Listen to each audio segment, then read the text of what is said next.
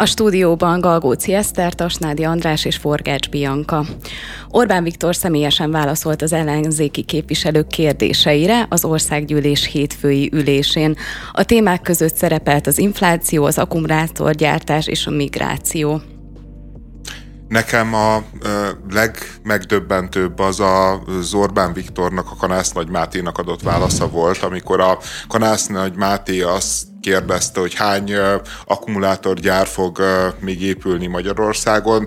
Ugye tudni kell, hogy, az előző héten jelentette be a külügyminiszter, hogy nem tudom én, a szecsuáni pártelnökkel éppen megállapodott abba, hogy jön valami akkumulátorgyár Magyarországra, így tudja a külügyminiszter, hogy hova érkezik az akkumulátorgyár, nyilván tudják a szecsuáni kommunisták, és akik nem tudják, azok annak a településnek a lakói, ahova érkezik ez a gyár, ők majd ilyen meglepetésként fognak értesülni arról, miután már a döntés régen-régen megszületett, hogy, hogy kapnak egy akkumulátorgyárat a nyakukba, és, és nyilván ez egy ilyen hot topic most az ellenzéknek, a Kanász Nagy Máté megkérdezte az Orbán Viktortól, hogy hány akkumulátorgyár jön még Magyarországra, és az Orbán Viktor a válaszának egy részében egyébként elmondta, hogy, hogy Magyarországnak igenis célja az, hogy egy akkumulátor ö, nagy hatalom legyen,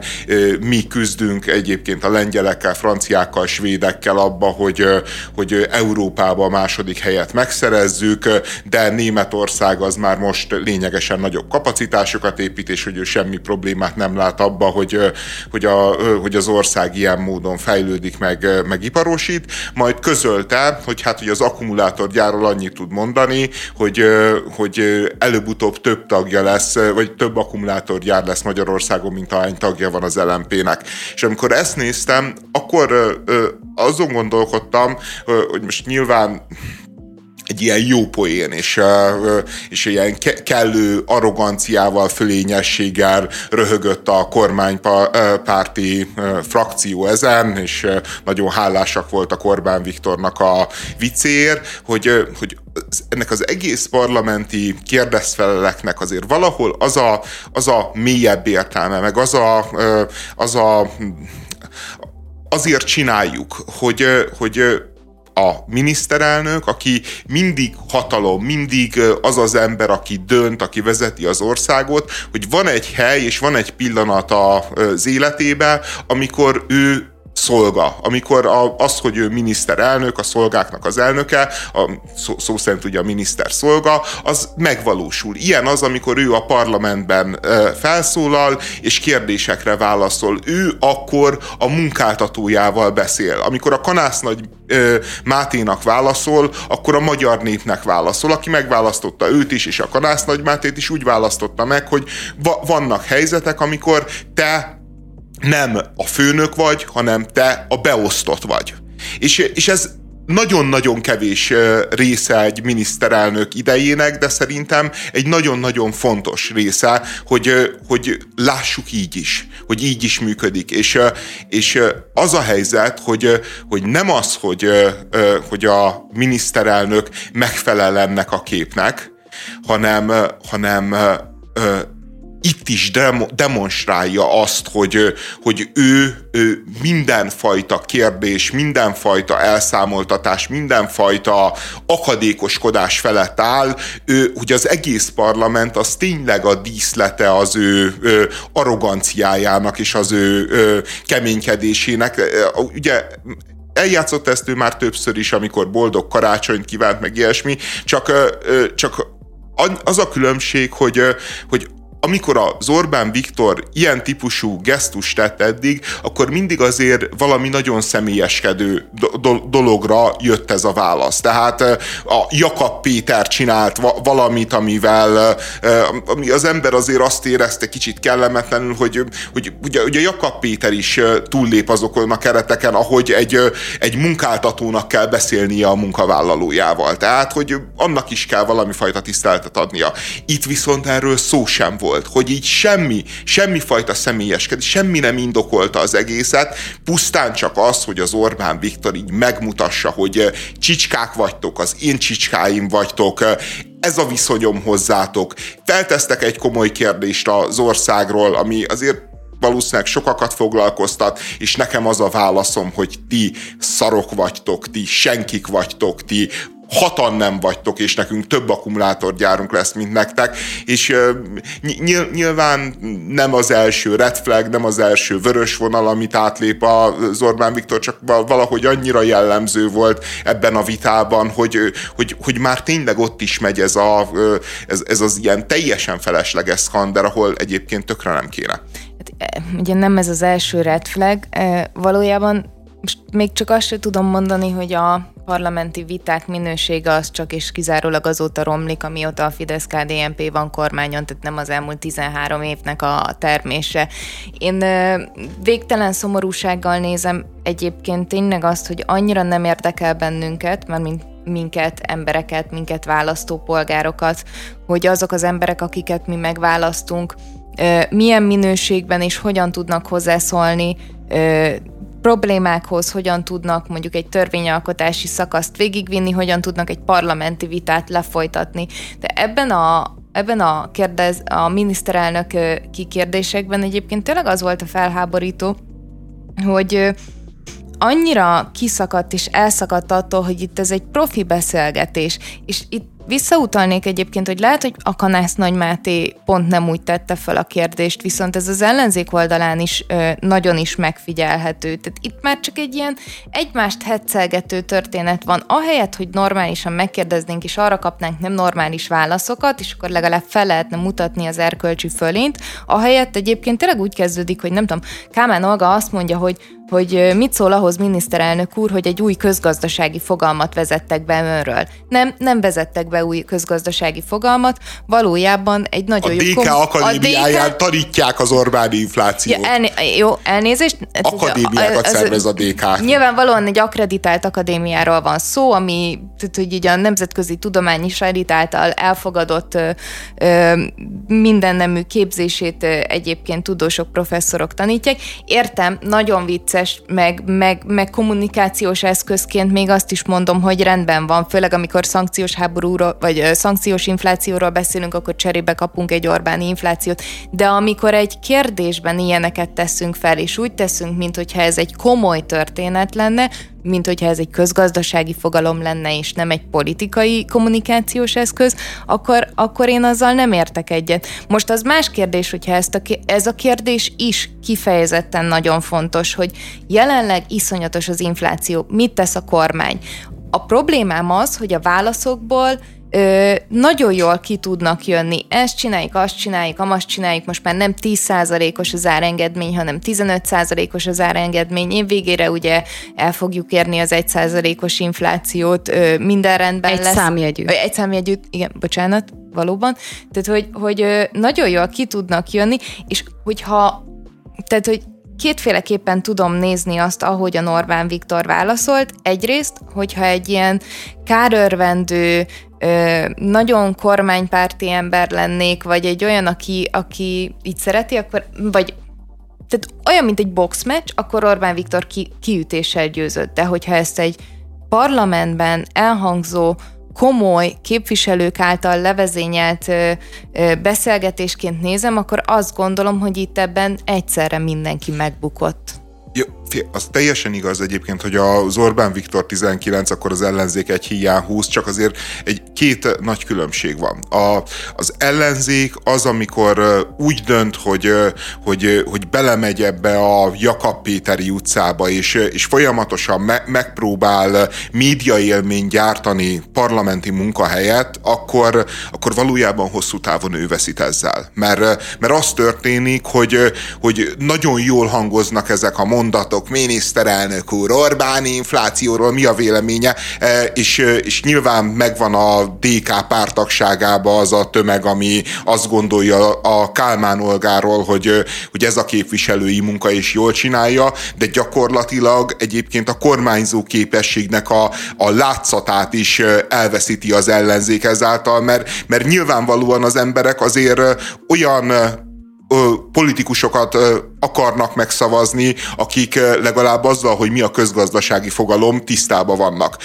Az Orbán Viktor esetében viszont ez nem pusztán egy rossz kommunikációs döntés, mert mert egyébként még csak lehet, hogy tényleg nem is rossz, mert, mert nyilván imponál az embereknek az, az amit csinál, hanem, hanem ő egész egyszerűen ezt a, ezt a parlamenti demokráciát érvényteleníti el, és, és és tudod, övé a hatalom. Tehát ő, ő neki óriási befolyása, óriási pénze van, egy pici, pici alázatot kellene tudni ö, tanúsítania, és, ö, és már nem hajlandó. Nem hajlandó ezt a pici alázatot se tanúsítani, azért cserébe egyébként, hogy övé ez az ország, és nem hajlandó.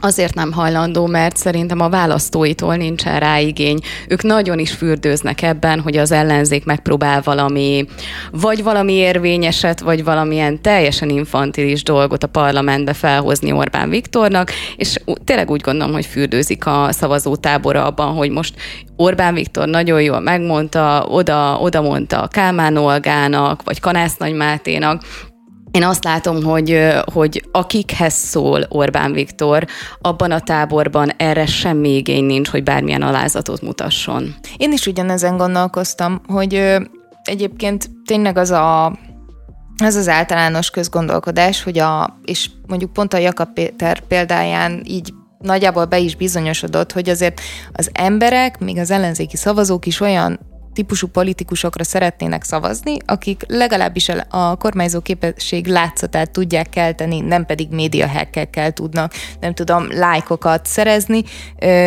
Ez szerintem a 22-es választások is kifejezetten megmutatták, és én pont ezért vagyok iszonyatosan szomorú, amikor egy ilyen vitában így beszélnek, mert akkor azért elbizonytalanodok abban, hogy itt tényleg a kormányzó képességet várjuk el valakitől, tényleg a szakmaiságot várjuk el valakitől, vagy azt várjuk el valakitől, hogy azért legyen szarkasztikusan vicces, mossa és alázza le az ellenfeleit, és, és tudjunk vele együtt egy jót röhögni. Az elején úgy fogalmaztál, hogy a kormányzó képesség látszatát, és szerintem nagyon helyesen fogalmaztad meg, és az, hogy egy hasonló sztájkaratéban Orbán Viktor lenyomja az ellen ellenzéket, szerintem nagyon-nagyon sok emberben azt az illúziót kelti, hogy igen, ő az erős vezető, rá lehet számítani, ő meg tudja mondani, oda fogja tudni mondani Brüsszelben is, és szerintem rengeteg embernek ez elég. Igen, egyébként az Orbán Viktor magyarázta valamelyik interjújába, hogy a, hogy a magyar ember az nagyon érdekes, mert, és úgy mondta, mintha ez ilyen speciálisan ránk lenne jellemző, hogy a magyar ember a kormányzó képességet, meg az alkalmasságot a debatőrségen méri. Tehát, hogy aki jó debatőr, aki pillan- frappánsan tud nagyon-nagyon gyorsan reagálni a másiknak bármilyen mondatára, arról azt gondoljuk, hogy az ért, az nyilván jól meg fogja Alkalmas. oldani a közgazdasági problémákat, a jogi problémákat, stb. miközben egyébként nem feltétlenül van ez az összefüggés. De ez pont a Gyurcsány Orbán interjú után volt? Csak kérdezem. Nem, ne, nem tudom. Val, vagy, a, vagy abból nem, még fiatal, még fiatal volt, még a, még a 90-es évek végén hát. volt ez a beszélgetés. A másik, ami érdekes volt, és szintén a, egyébként az ellenzéknek, én, én azt gondolom, a, a kicsit az inkompetenciájáról szól, hogy, hogy most azt találták ki, ugye egyébként ezt már eljátszotta a Márkizai Péter, nem egy különösebben nagy sikerrel, hogy, hogy arról ugye migránsszámlálót állított fel a, a Hodmezővásárhelyen, hány migránst hozott Magyarországra Orbán Viktor, hányat Soros, és kvázi meg akarta fordítani a kormányzati kommunikációt, hogy ők migránsoznak, akik igazából a, ezzel a letelepedési kötvényel egy csomó migránst hoztak Magyarországra, és akkor nem működött, de, ne, de hát ez nem vette kedvét, azt hiszem, hogy a Jobbiknak a frakció vezetője mondta el az Orbán Viktornak, hogy hát, hogy ők migráns országot csinálnak Magyarországból, mert hogy hozzák be a vendégmunkásokat. Amire az Orbán Viktor egyébként elmondta, és szerintem ez tényszerűen igaz is, hogy, hogy Magyarországon nagyon világos szabályokat hoztunk, hogy ki az, aki jöhet, vendégmunkásként Európa egyik legszigorúbb törvénye van, és tényleg ők egy olyan törvényt hoztak, hogy, hogy aki Magyarországon munkát vállal, ide, nem tudom én, mondjuk indonéz, vagy sri lankai, vagy stb., az csak bizonyos ideig dolgozhat itt, három év után el kell hagynia az országot, stb. stb. Tehát, hogy, hogy nem az a fajta bevándorlási törvény ez, mint ami mondjuk Franciaországban, vagy Németországban volt az elmúlt mondjuk 50-60 évben a gyakorlat. Viszont és elmondja az Orbán Viktor, hogy és, és, és hát a, a nagy különbség még, hogy amikor valaki külföldit hoz be egy álláshelyre, azt csak akkor teheti meg, hogyha azt meghirdeti magyaroknak.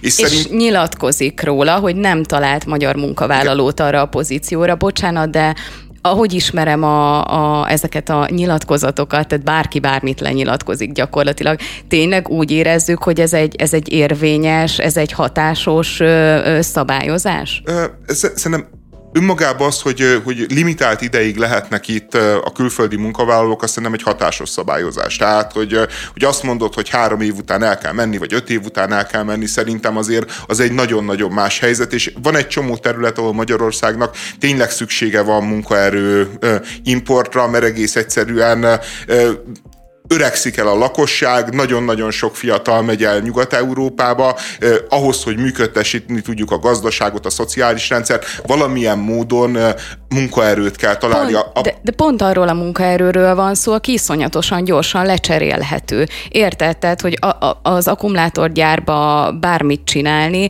nem bármit, de a legtöbb munkakör az tényleg olyan, hogy, hogy jössz, itt dolgozol két évig, mehetsz, eddig volt rátok szükségünk, és adott esetben ezt valahogy úgy is meg lehet oldani, tehát próbálják, próbálnak erre menni a nyugati országok, hogy ha már bevándorlók, akkor olyan bevándorlók jöjjenek, olyan bevándorlókat próbálnak oda csábítani, akik adott esetben hozzáadhatnak a társadalomhoz orvosokat, nem tudom, a jogászok, ugye más a bevándorlók Jó, De ezekért a bevándorlókért olyan harc van, amiben Magyarország nem fog tudni igazából beleszólni ezen a bérszínvonalon. Novák de, előd fogalmazta meg nagyon frappánsan, csak ugye? hadd mondjam végig, Bocsánat. amit akartam mondani. Uh, és a, és tehát a, a probléma az, hogy ők egy kommunikációs fegyverként azt gondolják, hogy azt kell mondani, hogy migráns országot csináltok Magyarországból, amire az Orbán Viktorék el fogják mondani a maguk érvét, érveit, és eközben a magyar ember, miközben gondolkodik, hogy melyik érv az igaz, hogy tényleg migráns ország lesz-e, vagy nem migráns ország, eközben látják azt, hogy az Európa politika színpadán milyen konfliktusok zajlanak, és mi, mibe áll bele Magyarország, meg Lengyelország az európai mainstream szembe. Ahelyett, hogy azt mondanák, ami sokkal közelebb van a valósághoz, és sokkal jobban érinti a magyar embereket, hogy nem az a baj, hogy migráns országot csinálnak Magyarországból, hanem az a baj, mert, mert amiről te beszéltél, hogy jöjjenek olyan migránsok, akik kvalifikáltak orvosok, körzeti orvosok, ne, ne adj Isten, mérnökök, szoftverfejlesztők, az, az, az teljesen rendben van, hanem az a probléma, hogy ők arra hoznak be migránsokat olyan munkahelyekre, amit egyébként el tudnának a magyarok is végezni, meg tudnának csinálni, csak ezen a bérszínvonalon nem akarnak, hanem inkább elmennek gyári munkásnak Angliába vagy Németországba háromszoros pénzért. És hogy nem az, nem az a probléma, hogy meghirdetik-e az állást mondjuk nettó 200 vagy 240 ezer forintért, ami egy sri lankainak jó bér, Magyarországon meg hát körülbelül a megélhetésre sem elég, hanem az a probléma, hogy ilyen bérekért akarnak munkaerőt szerezni, és ilyen pénzekért akarják a magyar embereket dolgoztatni ezek a multinacionális cégek. Ez ellen kellene felépni az, az országnak, meg a kormánynak, és erre kéne helyeznie a, az érvelését mondjuk egy, egy baloldali kritikában az ellenzéknek, és nem azt csinálnia, hogy azt mondani, hogy igazából ti hazudtok, mert ti migráns barátok vagytok, ellentétben velünk, akik nem vagyunk migráns barátok. Tehát, hogy, hogy az egésznek szerintem van egy nagyon erős szociális aspektusa, van egy nagyon erős megélhetési aspektusa, de mindent eldobnak azért, hogy identitáspolitikát csináljanak, mert látják, hogy az Orbán Viktornak mennyire bejött az identitáspolitika. Igen, erre akartam én is kifutni, hogy egyébként abban egyetértek, hogy ezek sokkal fontosabb kérdések, de szakpolitikai kérdések, és ez szerintem nagyon korán felismerte a, a, a Fidesz kormány, hogy gyakorlatilag azzal, hogy szakpolitikai kérdésekben megyünk bele, azzal nem biztos, hogy el tudunk érni bármit is. És ez a migráns országozás, meg a meg a nem tudom, hogy hogyan lehet ezt visszafordítani, és akkor most gondolkodik mindenki, nem gondolkodik senki. Tehát, hogyha gondolkodna bárki is, akkor már rég kognitív diszonanciában szenvedne az egész ország. Tehát gondoljunk bele, hogy hogyan kezdődött az úgynevezett migránsválság. Nem migránsoknak hívtuk őket, gazdasági bevándorlóknak hívtuk őket. Hogy kezdődtek egyébként az ellenük, ö, ö, ellenük szóló plakátok, amik de közül az egyiken konkrétan az volt, hogyha idejössz, nem veheted el az, a magyar emberek munkáját. Tehát gyakorlatilag egyébként fel van építve az a, a kommunikáció, hogy aki ide bevándorlóként jön, az csak el akar tőled venni valamit, és ezt nem teheti meg. Ezt hallgattuk tíz éven keresztül. Most, amikor fordultunk egyet, most akkor már szabályozunk, most már jól csináljuk, köszönjük szépen, és igazad van András, nem az a legnagyobb probléma vele, hogy akkor migráns ország vagy nem migráns ország, hanem az a legnagyobb baj, hogy szerintem kommunikációsan itt tényleg senki nem találja a helyét, ugyanis azt a területet az Orbánék teljesen letarolták, hogy nem beszélünk a fontos kérdésekről, helyette adunk nektek identitáspolitikát, és a, a másik oldal pedig próbálkozik egyébként identitáspolitikát adni, csak nem annyira egységes a kommunikációja, hogy ugyanolyan erővel tudjon visszacsapni arra, amit ők kapnak. Csak Eszter, most összevont, összemostad az illegális bevándorlásnak a problémáját, meg a, ahogy te fogalmaztál, a gazdasági bevándorlásnak. A kettő között szerintem különbséget kellene tenni. Abszolút. Mert, mert a, gondolj bele, amikor a Fidesz elkezdett ezzel kampányolni, akkor abszolút az illegális nem, migráció az volt a, a fókuszban. Az elején nem, mert az elején egyébként nagyon sokáig azt hallgattuk, hogy ide jönnek életerős fiatalok, akiknek egyébként Nike cipő van, akiknek egyébként nagyon drága telefonjaik vannak, és akik egyébként csak és kizárólag azért jönnek ide, mert Európában jobb béreket fognak kapni. Utána jött az illegális ö, migráció, és utána jöttek egyébként a, a, a migránsok, mint gyűjtőfogalom, és akkor már teljesen mindegy volt, hogy gazdasági be bevándorlókról, vagy illegális bevándorlókról beszélünk. A kezdetekben egyébként... az elejétől fogva illegális. Tehát én emlékszem, hogy még, még az egész nem is volt téma, amikor már építették a kerítést. Tehát igazából akkor még nem is érzékelte a magyar társadalom. De mindegy, lé, lé, lényegtelen is az egész. Sajnálom, hogy a Novák elődös sztorit belét folytottam. Tudom, hogy mennyire szereted az elődöt. Igen, én is sajnálom. A főpolgármester kiposztolta annak az autónak a rendszámát, ami elgázolta az Árpád hídon a kerékpárost. Én azért furi, furi fejlemény ez, ugye, mert ezt a azonosítsuk be az elkövetőt, ezt ilyen 15 évvel ezelőtt a Kurucinfo kezdte el. És, és ugye megjelentetett lakcímeket, neveket, fényképeket. Most egy kicsit lájtosan, de én azt látom, hogy ugyanaz történik, hogy van egy bestiális bűncselekmény, van egy teljesen jogos tömeges felháborodás, és a főpolgármester azonosíthatóvá teszi a.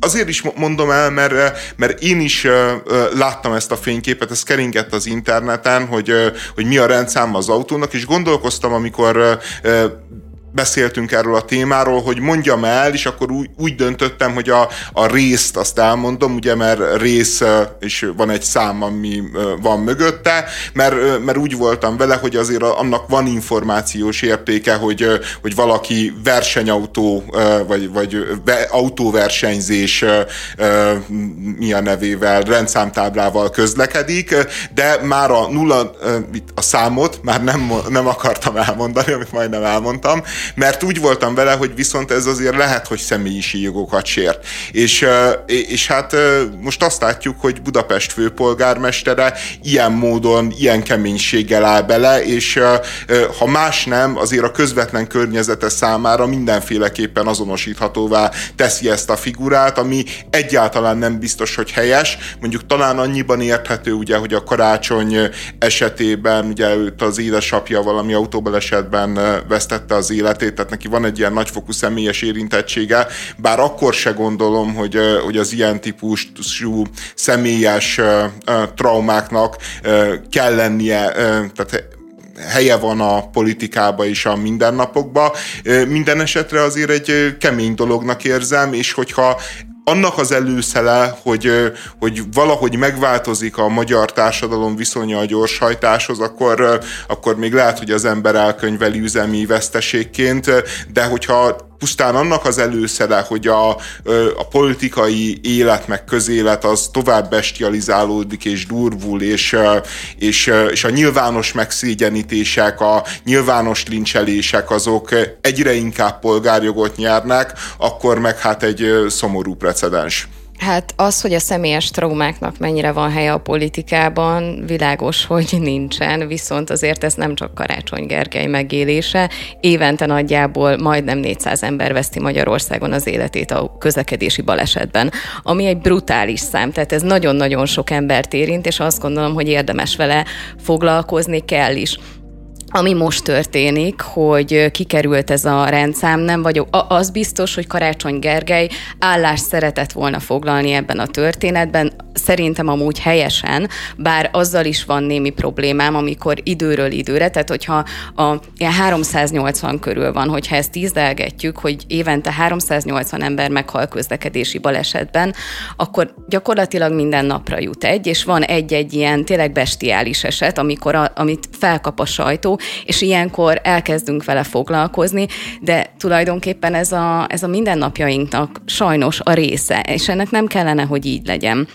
Az, hogy Karácsony Gergely most ezt elkezdte tematizálni, szerintem ez rendben van, hogy ő állásfoglalást tesz, ennek az ügyében, viszont azért ő a főpolgármester. Világos, hogy nem hozzátartozik az összes útnak a, a kezelése, mert nagyon sok önkormányzati út van, állami út van, akár Budapesten is, de, de az, hogy ő a sajtóban kiáll ezért, emellett, hogy, hogy álljunk ki a gyorshajtók ellen, ez rendben van, csak kevés szerintem. Az... Azért azt is bejelentette, hogy telepít a, a főpolgármesteri hivatal valami 40x ez tök, jó, ez tök jó dolog, csak a, a problémám ezzel az, hogy mindig, amikor történik egy ilyen tragédia, akkor nagyon gyorsan csinálunk valamit, kommunikáljuk, de a, a, ha a közlekedési baleseteket így összességében szeretnénk kezelni, akár mondjuk csak Budapest szinten, az egy átgondolt stratégiát igényel, ami nem csak a kamerákra utakról szól, nem csak a közúti ellenőrzésekről szól, hanem rengeteg más dologról, és én egy picikét ezt hiányolom, hogy tök jó, én is örülök, hogyha minél több sebességmérő kamera van, csak kevésnek gondolom, tehát ez nem fogja megelőzni ezeket a tragédiákat. Reméljük, hogy valamennyit fog használni, de hogy ez teljesen nem fogja megelőzni. Na mindegy, de hát szerintem, én, én... De, de, de, Bo- bocsánat. bocsánat, csak hogy itt, itt egy fontos dolog, hogy azért a Karácsony Gergő nem most hirtelen egy hírre akaszkodott rá, mert mint hogy nem az történik, hogy most hirtelen tematizálta ezt a topikot. Neki ez egyébként valamelyes szinten a programjában benne lett volna. Nyilván fo- tehát nem tudják végrehajtani, nem tudnak mindent egyszerre, így minden egyes közlekedési pontot ö, ö, azonnal megváltoztatni. Iszonyatos pénzhiány van Budapesten, és ezt nem felmentésnek szeretném mondani, mert egyébként én is tragikusnak látom azt a helyzetet, hogy, hogy gyakorlatilag alig jutottunk előre olyan dolgokban, amikben egyébként fontos lett volna előrelépni.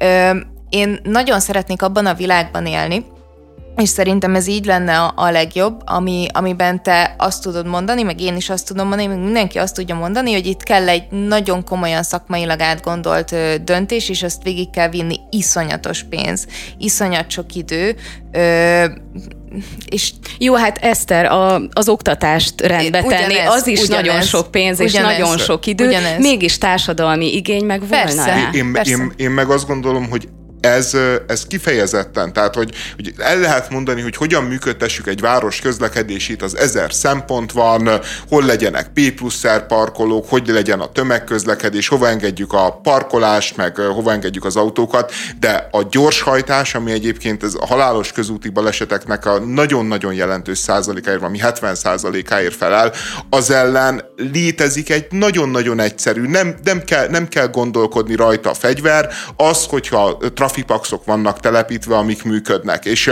és, és a Karácsony Gergely egyébként tényleg nem most kezdte el ezt a, ő meghirdette a most elfogadott, hete fogadták el azt a közlekedési koncepciót, aminek az a célja, hogy 2030-ra nulla legyen a halálos közúti balesetek száma Budapesten. Ennek keretében például brutálisan csökkenteni akarja az autóknak a megengedett maximális sebességét, ami, ami szerintem egyébként pont a rossz út. Tehát, hogy normális, betartható szabályok kellenek, olyanok, amiket, a, amiket az emberek értenek, és amivel egyetértenek, és aki megszegi ezeket a szabályokat, az arról meg tudjuk, és tudja a szabályszegő is, hogy biztosan büntetés, biztosan valamilyen, valamilyen retorzió lesz a vége. És, és ennek egyetlen útja van, hogy, Magyar, hogy Budapestet, meg egyébként az országot is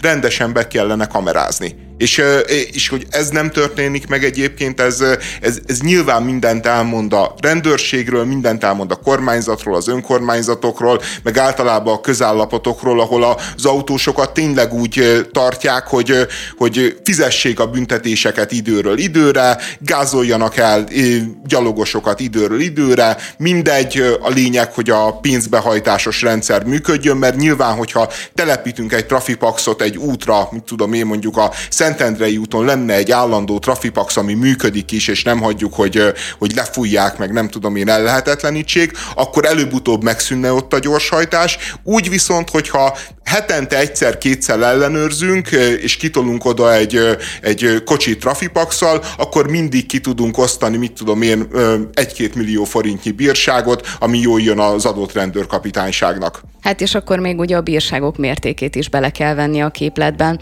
Azt, hogy, az, hogy a sebességhatároknak a csökkentése mindenképpen rossz út, ezzel nagyon nem tudok egyet érteni.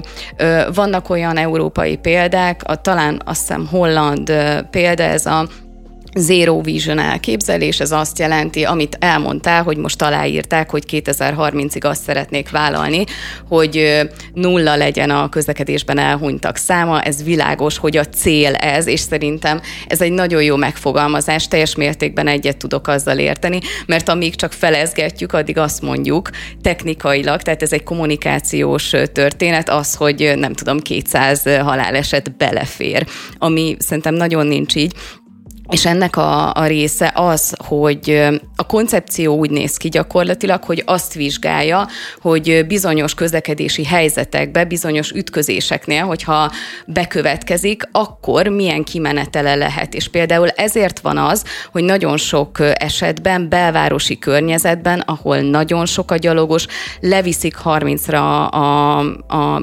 sebességhatárt, mert 30 és 50 km per óra között, ezt már sokszor elmondtam a műsorban, exponenciálisan nő annak az esélye, hogy valaki az életét veszítse, hogyha véletlen elüti egy autó. És ezek ilyen megfontolás miatt vannak. Tehát nagyon kényelmes azt mondani, hogy jaj, hát itt a, a gépjárművezető 70-nel szeretne menni, de mi csak 50-et engedünk neki, akkor az 50 az egy rossz megoldás. Ez szerintem nem így működik. Nem így kellene ezeket a megoldásokat vizsgálni. A, most pont a baleset miatt felmerült nagyon sok fórumon, hogy átlagsebességet kellene mérni, tehát ilyen módon szűrni a gyorsajtókat, ugye A pontba felállítunk egy kamerát, B pontba, amikor odaérkezik az autó, gyorsan ki lehet számolni, hogy körülbelül mennyivel jött, és, és akkor ilyen, módon nagyon-nagyon egyszerűen véget lehet vetni bizonyos útszakaszokon a gyorshajtásnak, és csináltak gyorsan egy közvéleménykutatást, hogy ennek milyen a támogatottsága, és azt írták a közvéleménykutatás ismeretében, hogy a megkérdezetteknek mindössze hatoda mondott nemet. És én azon gondolkodtam, hogy ez a mindössze hatoda, ez 17 százalék. 17 százalék, most mondjuk azt, hogy minden második magyar vezet, vagy, vagy mondjuk minden harmadik nem vezet. Tehát ez azt jelenti, hogy az autóvezetőknek a több mint 20 százaléka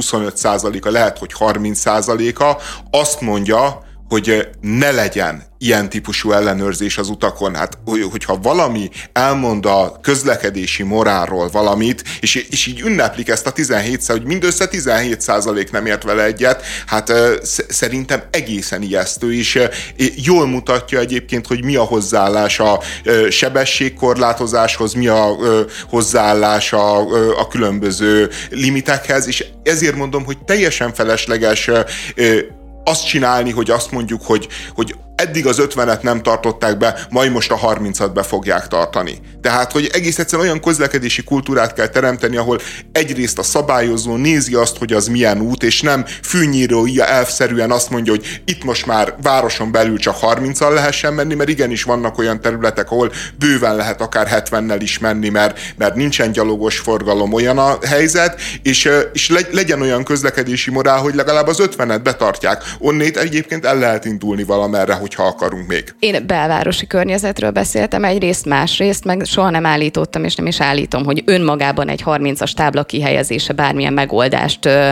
nyújtana erre a problémára. Viszont amit te elmondtál a közlekedési morállal kapcsolatban, tényleg nagyon szomorú az, hogy a gépjárművezetőnek egy szemmel, szabad szemmel jól látható része azt mondja, hogy neki nagyon jó ez így, ez az alul szabályozott környezet, folyamatosan gyorsan haj, de évente kétszer mondjuk kap kettő darab 30 ezres csekket, röhögve befizeti, és, és akkor semmi probléma nincs, de nagyon nagy probléma van. Ez a hozzáállás, ez csak akkor tud megváltozni, hogyha ha elkezdik ezeket a dolgokat szigorítani.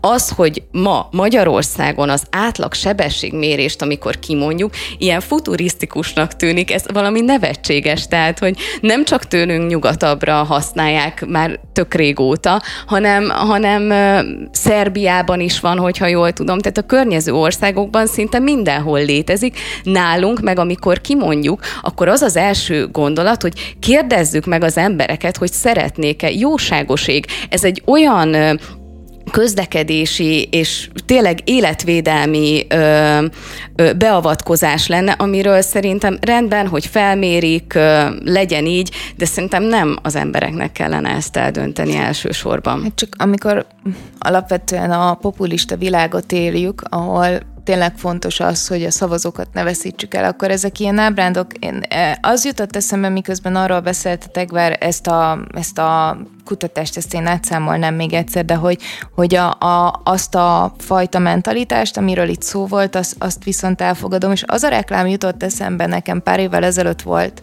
és nagyon kedvesnek és helyesnek tartottam, fogalmam sincs, mit reklámozott, amikor ö, egy ember fölött ugye ott volt az, hogy én, és a többiek fölött meg az, hogy mások, és hogy másokkal történnek dolgok. De az ember elesett biciklivel, és akkor köré álltak más emberek, akik én voltak, és a biciklit lett Tamás. Mindenki azt hiszi, hogy vele nem történhet baleset.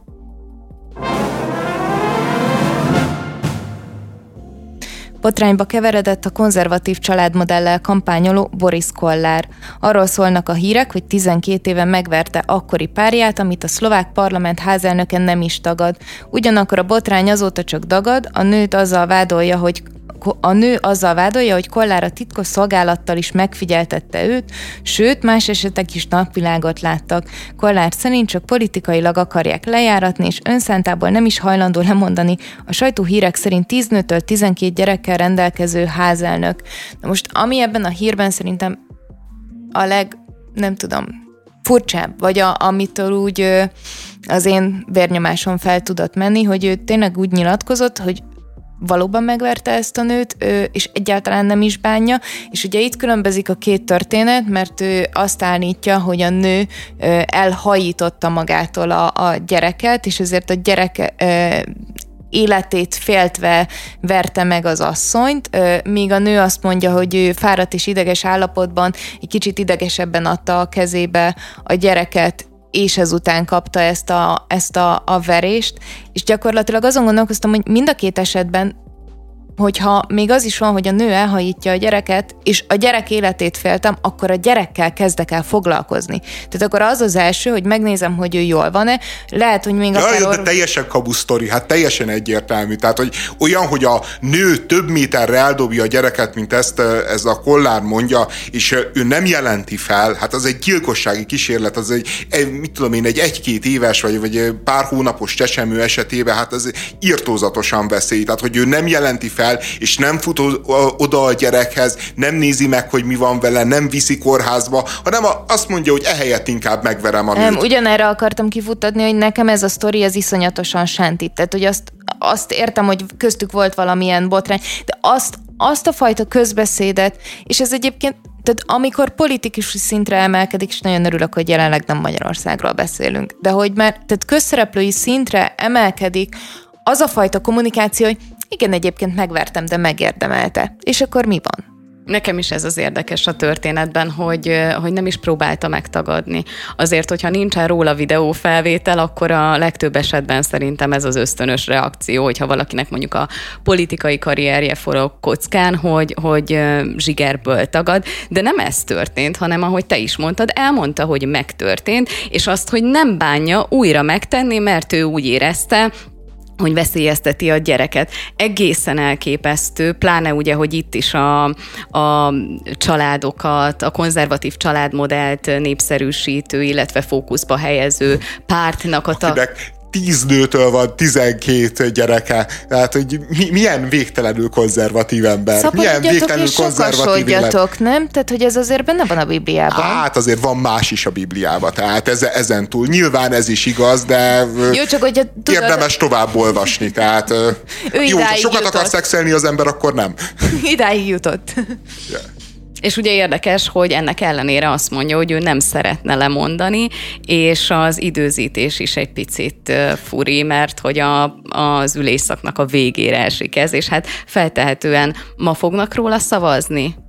Valamikor mostanság szavaznak róla, és nagyon úgy néz, ő a szlovák házelnök, tehát ő a szlovák kövér László, és, és egyébként tényleg az az embernek az érzése, hogyha sorsolnánk a politikusokat, akkor biztos, hogy rosszabb lenne a helyzet, meg rosszabb hely lenne a világ, mert, mert az, hogy ez az ember, és, és itt az a durva, hogy egyébként én azt gondolom, hogy egy politikusnak a magánélete nem, valójában nem számít, nem kéne, hogy számítson. Az kéne, hogy számítson, hogy ő mit gondol a világról, az, hogy esetleg ő mennyire nem következetes, mennyire ö, ö, szarember, hogy, hogy mondjam, nyilván mindenkinek vannak gyengeségei, nem, nem, a, nem a közélet színpadán kell ennek eldőlnie, csak a, hogy meg nem a közélet színpadán kéne ugye számítson, az számít, hogy ő milyen törvényeket akar beterjeszteni, hogyan fogja mondjuk irányítani az országot. De a probléma az, hogy, hogy ezek az emberek, meg ez a modern politikus,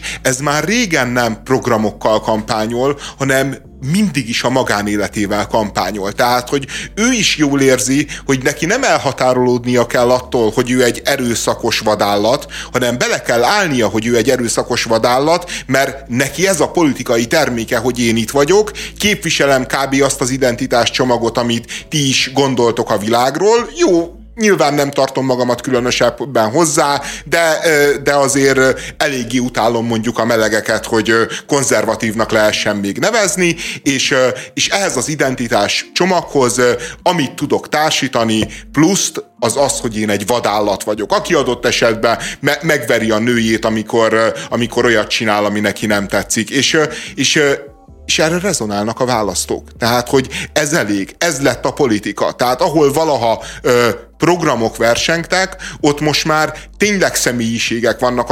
Az Orbán Viktor is ugye 2010-ben nem kellett, hogy programot adjon, azt mondta, hogy jövök én, és majd csinálok. Nem, és az ember... 10 még kötelező volt, 14-re törölték el. 10-ben milyen programja Jó, volt hát az Orbán volt egy Viktornak? kifejezetten nagyon de akkor még ugye le kellett adni, tehát akkor még kellett de, írásos formája lenni. Az, hogy mivel kampányolt, az egy másik kérdés, de hogy programnak kellett lennie. Jó, igen, és aztán megjött a folytatjuk, és arra is azt mondta, hogy hát látjuk, hogy Nem, addigra azt, eltörölték ezt, hogy ne kelljen megírni ezt a, a, azt a rettenetet, hogy program, hogy választhassanak a választók. De, de, de mindegy is, mert, mert a lényeg az, hogy, hogy mit árul egy politikus, az, hogy, hogy vannak egyébként több száz oldalas dokumentumok különböző különböző minőségbe valahol a pártházak meg az internet szerverek mélyén, az senkit sem érdekel, hanem, hanem, hanem hogy ez számít, hogy itt van ez a kollár, és, és tényleg ő a modern politikusnak a prototípusa, akinek olyan vastag az arcán a bőr,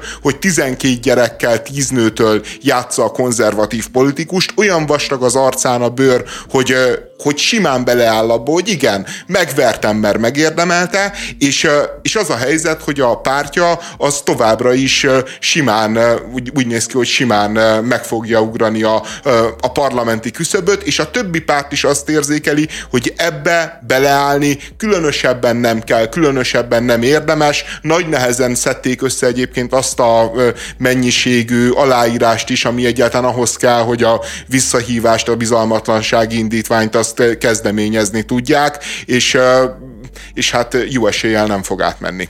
Ha jól tudom, akkor a, a pártnak a szavazói nagy részben nők, legalábbis ezt olvastam egy, egy cikkben, és ilyen tekintetben azért ez szerintem lehet eltaszító, hogy... Jaj, hagy, hagyjuk már, figyelj, a nők nagyon nagy része szereti ne, az erőszakos ne, férfiakat, de, de ez így igaz, ez így igaz. Ne, ne, te, mindig elmondjuk azt, hogy, hogy a nők azok ne, nem szeretik. Nézzed meg a Donald Trumpra, egyébként a fehér nőknek a többsége szavazott. Nem, nem igaz, hogy a, hogy a nők ne szeretnék az erőszakos erőszakos férfiakat. A nők igenis szeretik az erőszakos férfiakat, férfiasságot látnak ebbe. Tehát amikor azt mondom, hogy vadállat, akkor én vadállatnak mondom, de egy csomó nőnek az a percepciója, hogy férfias. Egy csomó férfinek meg az a percepciója, hogy menő. Határozott. Tehát szerintem az azt a szót keresett, hogy határozott. A nők azokat a férfiakat nem szeretik, akik agyonvernek egy másik nőt. Tehát, azért, tehát nagyon féltem, hogy ezt a mondatot ki fogod mondani, mert azt hiszem, hogy itt azért tegyünk végre így tisztába dolgokat. De, van, értem, nyilv... értem, van az a férfi típus, aki sok nőnek bejön, meg egyébként a kultúránkból is így ö, ömlik ránk, a bunkó, aki egy, akiért meg kell küzdeni, aki eltaszít minket, aki egy kicsit szociopátiás esetnek tűnik, és aztán végül mi lágyítjuk meg a szívét, és ez egy, és ez egy romkomnak a, a, a képe, és tényleg vannak nők, akik szeretik ezt, de ne mondjunk légy szíves olyat adásba, hogy a nők szeretik azokat a férfi férfiakat, akikről tudjuk, hogy azt mondják, hogy igenis megvertem az asszonyt, és igenis szerintem baromira én, megérdemelte. Könyörgöm, szerintem, szerintem ez tényleg az van, hogy a női populáció egy nagyon-nagyon jelentős részének imponál. Tehát, mint ahogy imponál az, amikor a Zambo Jimmy azt énekli, hogy hosszú volt az éjszaka, későn jöttem haza, és szánom, bánom már mindazt, amit csináltam. Imponál. Ez nem ugyanaz. De a, a, bántalmazásoknak különböző fajtái vannak, és az a helyzet, hogy, hogy ez az erőszakos férfi típus, ez hogyha verbálisan, ha tettekkel, ha ütéssel, szeret bántalmazni, és nagyon-nagyon sok nő ezt úgy detektálja, hogy ez, ez mint szeretetnyelvet. Sajnos, ez a helyzet. Értsd úgy, Eszter, hogy domináns, és a dominanciából csomószor az következik, hogy az a nő kap egy pofont. Én értem, hogy mit mond András, csak szerintem nem érti azt, hogy ö, az, hogy domináns, vagy az, hogy valaki határozott, az nem jelenti azt, hogy a nőknek arra van szüksége, hogy agyonverjék de nincsen, őket. persze, hogy, nincs, persze hogy nincsen szüksége. Hát kinek de van arra nem is szüksége? szeretik, de nincs ilyen. Hát, hogyha szeretik. őket ütik, akkor nem szeretik, de amikor azt látják, hogy van egy ilyen vadállat, erőszakos barom, az a helyzet, hogy az izgatja őket. Hát én, én, én nem teltek róla, és azt gondolják, hogy majd a rossz fiút ők megjavítják. Hát de, de ezt, ezt te nem látod? Majd beszélünk máskor róla. A közterületnek számító járdát teljesen elfoglalták és beépítették, gyakorlatilag terasszá alakult a belvárosi madácskapu alatti terület. A Telex megpróbált utána járni, hogyan alakulhatott ki ez a helyzet, de az ügyben az önkormányzat nem tartja illetékesnek magát, a kormányhivatal mélyen hallgat, és a tulajdonosok nem akarnak nyilatkozni. Ö, megvan, hogy melyik területről van szó? Igen, abszolút. Tehát ott az árkád alatt, ami van. Igen. Én szerintem csak, hogy fejtsük ki, ugye gyakorlatilag az van, hogy ez a buli negyednek így konkrétan a dobogó szíve a madács tér. Mert mint hogy... Inkább val- a kapuja, nem? Lehet. Hát, vagy egyébként azt, azt lehet elmondani a buli negyedről, hogy mindenhol van, hogy így elkülönülnek ezek az ilyen ö, hogy mondjam, ilyen szubkultúrák, vagy, vagy nem tudom, hogy hogy mondjam, és nem, nem feltétlenül ez a stack partiknak a, a, a helyszíne, ez, ez inkább Mi az, a, hogy stack party? Azok a, a stag meg a ham partik, ezek azok, amiket a legjobban utálunk, ezek egyébként a lány és a, a fiú bulik, ugye, amiket ö, azért szoktuk így hivatkozni, meg azért, azért vannak egyébként ki is írva konkrétan most már szórakozó helyeken, hogy ezeket nem viseljük el, mert, mert ugye ezeket kötjük a brit turistákhoz, akik ide jönnek örjöngeni egy ilyen nem tudom, egy ilyen... Ö, ja, ez a legény búcsulás. Igen, igen, igen, igen. Aha. Csak annak a, az ilyen hát nem tudom, most már hozzá van társítva, vagy eredetileg is így volt, de hogy ez a, ez, ez, ezek az ilyen erőszakosságba torkoló, vagy nem erőszakos, ezek a nagyon-nagyon leívott, nagyon-nagyon leállatiasodott, nagyon-nagyon, nem tudom, mélyre menő bulik. Tehát a madácstér az nem e, ezeknek a, a központja, ö, ott egyébként ö, fő, amennyire én megszoktam figyelni, ott főként egyébként tényleg így a, a nem a külföldiek dominálnak, ö, viszont iszonyatosan sokan vannak, és a legtöbb szórakozó helynél egyébként az is a probléma, és a madács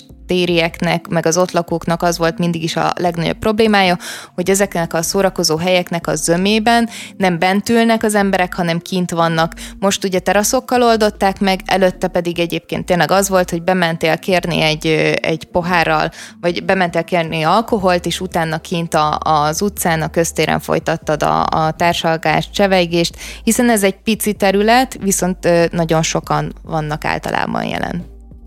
Jó, hát ugye úgy néz ki, itt a, itt a madácskapu alatti rész, hogy van egy terasz, ami gyakorlatilag beépítette a járdát. Magyarán, hogyha te át szeretnél ott sétálni, ott el akarsz közlekedni, akkor le kell menned arra a területre, ahol az autók járnak. De ott járnak autók, mert én, én egy csomószor voltam ott, és igazából szerintem ott nincsen autós forgalom. Tehát én ott az árkád alatt mi történik? Van valamilyen behajtási korlátozás, hogyha jól tudom, de gyakorlatilag rá is tapintottál arra, amiről szeretnék beszélni ezen téma kapcsán, mert én a problémának leginkább nem azt látom, hogy ott a járda rész beépült, hanem hogy ott gyakorlatilag egy parkoló üzemel van a Rumbak Sebestyén utca, és hogyha lefordulsz a Madács térre, ott semmi más nincs, ott egy, ott egy parkoló van, van kettő elektromos parkoló, és oda tényleg parkolni mennek az emberek. Nem nagyon áthajtani, mert nem tudom, hogy Hát nem is lehet áthajtani a Madács téren szerintem. Hát a, a teljes... De van egy olyan része, ahol igen. A teljes részén nem. Ugye a, a kaputól a másik irányba eső rész, ott például ott teljesen el van, el van szeparálva a forgalom, és szerintem valami hasonló modellt kellene alkalmazni ennél a résznél is személy szerint én azt a parkolót biztosan felszámolnám, esetleg a kettő ö, elektromos parkolót, ami ott kint van, tényleg teljesen a szélén, azt esetleg meghagynám. Tehát ö, picit zavarba ejtő, amikor, amikor úgy próbálunk beszélni a gyalogos közlekedésről, hogy akkor csak az van, és egy dolog számít, hogy a gyalogosok el tudjanak sétálni A-ból B-be. Persze ez egy nagyon fontos dolog, de ahhoz, hogy mondjuk egy belvárosi terület felvirágozhasson, ahhoz nagyon nagy szükség van ezekre a helyekre. Tehát persze vannak olyan helyek, amiket az ember, nem tudom, 30 fölött már nem feltétlenül, ö, nem is az, hogy nem néz jó szemmel, de, de már nem az én világom, de hát pont a Madács téren található helyek abszolút nem ilyenek. Abszolút és ezek a teraszok, ezek, eh, hogy mondjam, a legjobb dolgok, amik történtek Budapesttel az elmúlt 15 évben, Karácsony Gergely főpolgármestersége után. Tehát eh, a, eh, a, az, hogy, hogy, hogy ezek ellen, a teraszok ellen indul egy ilyen ö, oknyomozó hadjárat egyébként a Telexen, olyan teraszok ellen, amik gyakorlatilag nem zavarják a közlekedést, mert, mert én teljesen egyetértek azzal, amikor azt mondják, hogy a járda a gyalogosoké, és milyen felháborító, amikor úgy parkolnak az autók, hogy már mondjuk egy babakocsit nem lehet eltolni. Tehát, hogy az tök rendben van, azt tegyük szóvá, oké, rendben van. Itt valójában senkit nem zavar az, hogy, hogy be építve a, a járda, mert, mert simán lehet sétálni egyébként ott a kvázi az autóknak fenntartott helyen, ahol, ahol autós közlekedés, nincsen maximum parkolás, tehát, tehát senkit nem zavar. Most nyilván egyébként van a uh, sztorinak egy olyan része, hogy, hogy hogyan szerzik meg ezek a helyek a lehetőséget, hogy beépítsenek közterületet, ez már egy uh, súlyos probléma, meg, meg nyilvánvalóan a korrupciónak a gyanúja felmerül, csak, csak hát ismerjük Magyarországot, látjuk kb. a téteket, amik mellett Magyarországon korrupciós ügyek mennek, és amikor ezt ilyen pellengérre állítjuk, hogy a Madács téren ott van ez a két vagy három terasz, ami valakit zavar, akkor nekem egyébként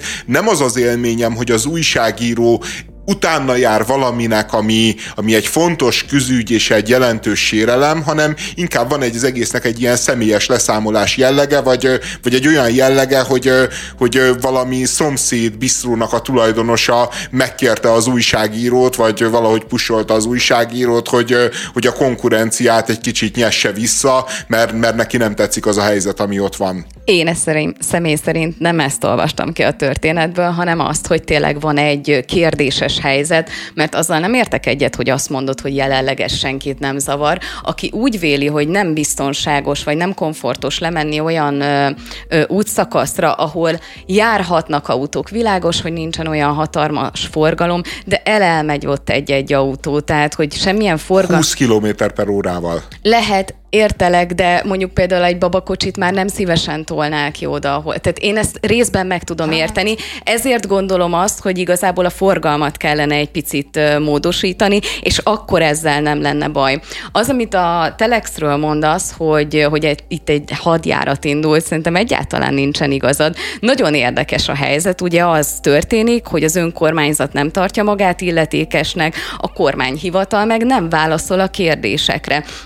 Tehát van egy probléma, amire rá szerettek volna kérdezni az újságírók, ennyi történt, tehát én nem érzem ebben a hatalmas ítélkezést. Rá szerettek volna kérdezni az újságírók, és rendszer szinten világítanak rá arra, hogy ez nem most történik meg egyedül a, a Madács téri terasszal kapcsolatban, ami valóban, tehát nem a, a legégetőbb dolgok közé tartozik, ezt mindannyian szerintem beláthatjuk, de maga a jelenség, hogy mindenki tolja le magáról a felelősséget, senki nem mond semmit, és nem lehet információhoz jutni.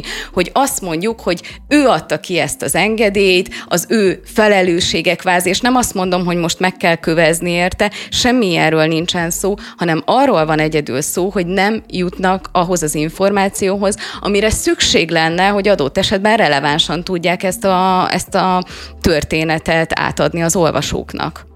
Hát én, én meg azt gondolom, hogy a, talán tegnap beszéltünk arról az akugyárról, ahol nincsenek szakhatósági engedélyek, és úgy üzemeltetnek veszélyes anyagokkal működő gépeket, amik időről időre fel is robbannak. Kimennek a hatóságok, és rosszul lesznek az akugyárban lévő vegyszereknek a szagától, vagy, vagy, vagy ahogy a levegőbe terjednek, és, és komikus összegre büntetik meg őket, és nem vonják meg az engedélyüket, nem mondják azt, hogy nem lehet csinálni egy olyan működést, ahol gépek robbannak fel, meg ellenőrök sérülnek meg, vagy lesznek rosszul ellenőrzés közben. ahhoz képest az, hogy a Madács téren egy járdarészletet, amit különben senki nem használna, mert, mert én, én járok babakocsival, és az a helyzet, hogy én ott a madástéren simán letolom a, a, a babakocsit, mindenfajta további nélkül. Van ezer olyan pontja a városnak, ahol,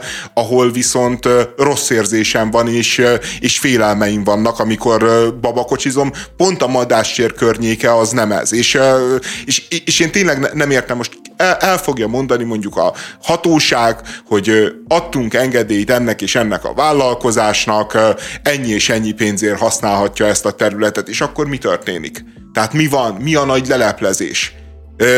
Le- lehetséges, hogy mondjuk a Rogán Antalnak valami üzlettársa, simán el tudom képzelni, nagyon valószínű is, hogyha egyébként ott működik az 5.-7. kerületbe, de, de hát a Rogán Antal elmúlt fél évéből ezer durvább sztorit tudunk kiemelni, meg átélhetőbb sztorit hogyha ilyen köntösbe csomagolunk mindent, hogy de hát mi ez ahhoz képest, hogy az akkumulátorgyárak, hogy az oktatás, akkor gyakorlatilag haza is mehetünk szerintem, mert... Hát ez a vatabautizmus. Ez a kedvenc kifejezésem mostanában, mert egyébként tényleg mindennél van fontosabb történet, vagy mindenhez tudunk valamit hozzákapcsolni. Igen, de egyébként tök jó, hogy említetted a, az akkumulátorgyárak kérdéskörét, mert szerintem egy picit hasonló tőről fakad. Azt, hogy nem lehet egy szervezetet megnevezni, hogy bizonyos dolgokért ők a felelősek, és őket kell számon kérni, vagy lehessen számon kérni azért, hogy mi az a három millió forintos büntetés egy ilyen hatalmas szabályszegésre, illetve mi az, hogy oda a járda beépül, és amúgy nem tudunk róla, vagy hogy érted, hogy valakit számon kérni ezzel kapcsolatban. Szerintem egy picit hasonló ilyen tekintetben a két eset. Lehetséges. Jó, én, én nem, nem akarom, mert, mert, mert nyilvánvalóan nem normális dolog az, hogy úgy foglalnak el bármilyen közterületet, a, hogy, hogy eközben a köz, nem látja azokat a szerződéseket, meg azt a folyamatot, aminek a végén az a vendéglátóipari egység me- megszállta a járdát, de, de, de, de nekem tényleg akkor is egy kicsit büdös ez a történet, mert, mert általában azért nem szokott ilyen mélyen repülni a telex, de, de, de lehet, hogy nincsen igazam. Ugye, Simán el tudom képzelni. Ugye a teraszok szabályozásával kapcsolatban én is azt gondolom, hogy szerintem sokkal transzparensebbnek kellene lenni, meg valamilyen, nem tudom, nagyon sokat gondolkozok ezen, hogy, hogy valamilyen olyan szabályozást beiktatni, ami egyrészt egyértelmű, hogy mekkora helyet foglalhatsz el a közterületből, másrészt engem baromira zavar például pont a körúton számos helyen látni, hogy nagyon széles a járda, viszont annyit elfoglalnak ezek a teraszok, hogy örülsz, hogyha egy másfél méter marad a, a gyalogosoknak, és ott, mit tudom én, esernyővel elmenni már nem olyan komfortos. És ezt nem tudom pontosan, hogy vannak ezek szabályozva. Próbáltam utána nézni, de nem találtam meg, hogy, hogy négyzetméterre kapják, illetve hogyha négyzetméterre, az világos, hogy szabályozva van, hogy másfél métert legalább kell hagyni. De pont egy körúton, ahol, ahol tényleg tényleg viszonylag nagy a gyalogos forgalom, ott ezt a másfél méter minimumot behúzni, ezt elég pofátlannak tartom, hogyha őszinte akarok lenni. Holott egyetértek azzal, hogy a körúton is legyenek. Hát engem nagyon nem zavarnak a körúton. A körúton szintén a legjobb dolog az elmúlt 15 évben, mert az egész csak pusztul, meg, meg üres kirakatok, borzalmas házak, meg, meg, meg lepusztult üzlethelyiségek, és, és a kerthely, vagy ezek a teraszok azok, amik valami fajta életet hoznak oda, tehát, hogy én, én, nem. én nekem a másfél méter teljesen elég volt mindig sétálásra, és soha nem éreztem azt, hogy, hogy ott én olyan nagyon-nagyon korlátozva lennék. Én meg számos esetben éreztem, és ezzel még egyszer szeretném mondani, nem azt akarom mondani, hogy takarodjanak a teraszok a körútról, nagyon is helyük van ott, csak nem ilyen formában. Adott esetben a parkolókat simán el tudom képzelni, hogy oda, oda terjeszkednek ezek a teraszok, mert viszont a körúton a, a parkolás, az, az vannak komoly problémáim. Na de ö, nem csak a teraszokról van szó, ugye számos ö, olyan, ö, olyan dolgot lehet felfedni vendéglátóhelyeken, amik baromira tudnak zavarni. Igen, ne, nem a teraszos terjeszkedés a vendéglátóhelyeknek az igazi bűne, sőt, a, szerintem a terasz az nem bűne, de viszont vannak bűneik. Hát vannak bűneik, és belefutottam a napokban múlt héten egy olyan esetbe, hát a Fröccs terasz nevű helyen. Bementünk, kértünk kettő sportfröccsöt, ott kezdődött, hogy nem tudtak sportfröccsöt adni, mert nem volt fél literes pohár.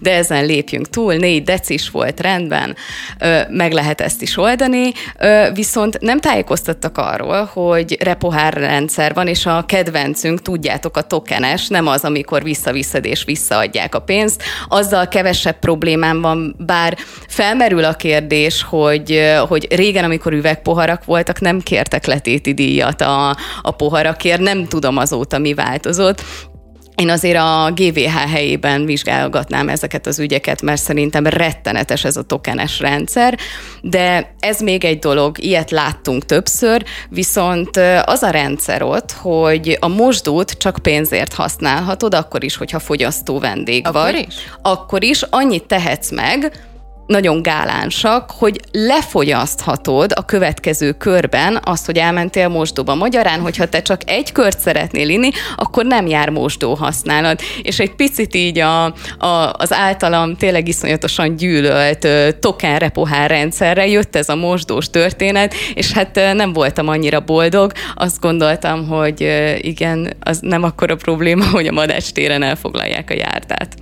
Ja, egy, egyébként önmagában ez a WC mizéria, ami van Budapesten, tehát hogy nincsenek nyilvános vécék, amik vannak ilyen magánhelyeken, azok egyre inkább fizetősek, és, és, és szorítják ki az embereket a, a használatukból az utcára, és ennek következtében folyamatosan látunk az utcán dolgukat végző, és egyébként nem hajléktalanokat, hanem, hanem normál átlag embereket, akik egész egyszerűen úgy vannak vele, hogy nem fognak bekuncsorogni egy étterembe, nem fognak, mit tudom én, utazni két megállót a plázára, hogy ott fizessenek 500 forintot, hanem inkább könnyítenek magukon valahol a, nem tudom én, a Dob utca, Dohány utca sarkán, és, és, és ez, ez szerintem olyan mértékben kulturálatlan, olyan mértékben élhetetlenné teszi a várost. Láttam Dél-Koreáról egy ilyen úti beszámolót, és ott magy- magyarázta az a,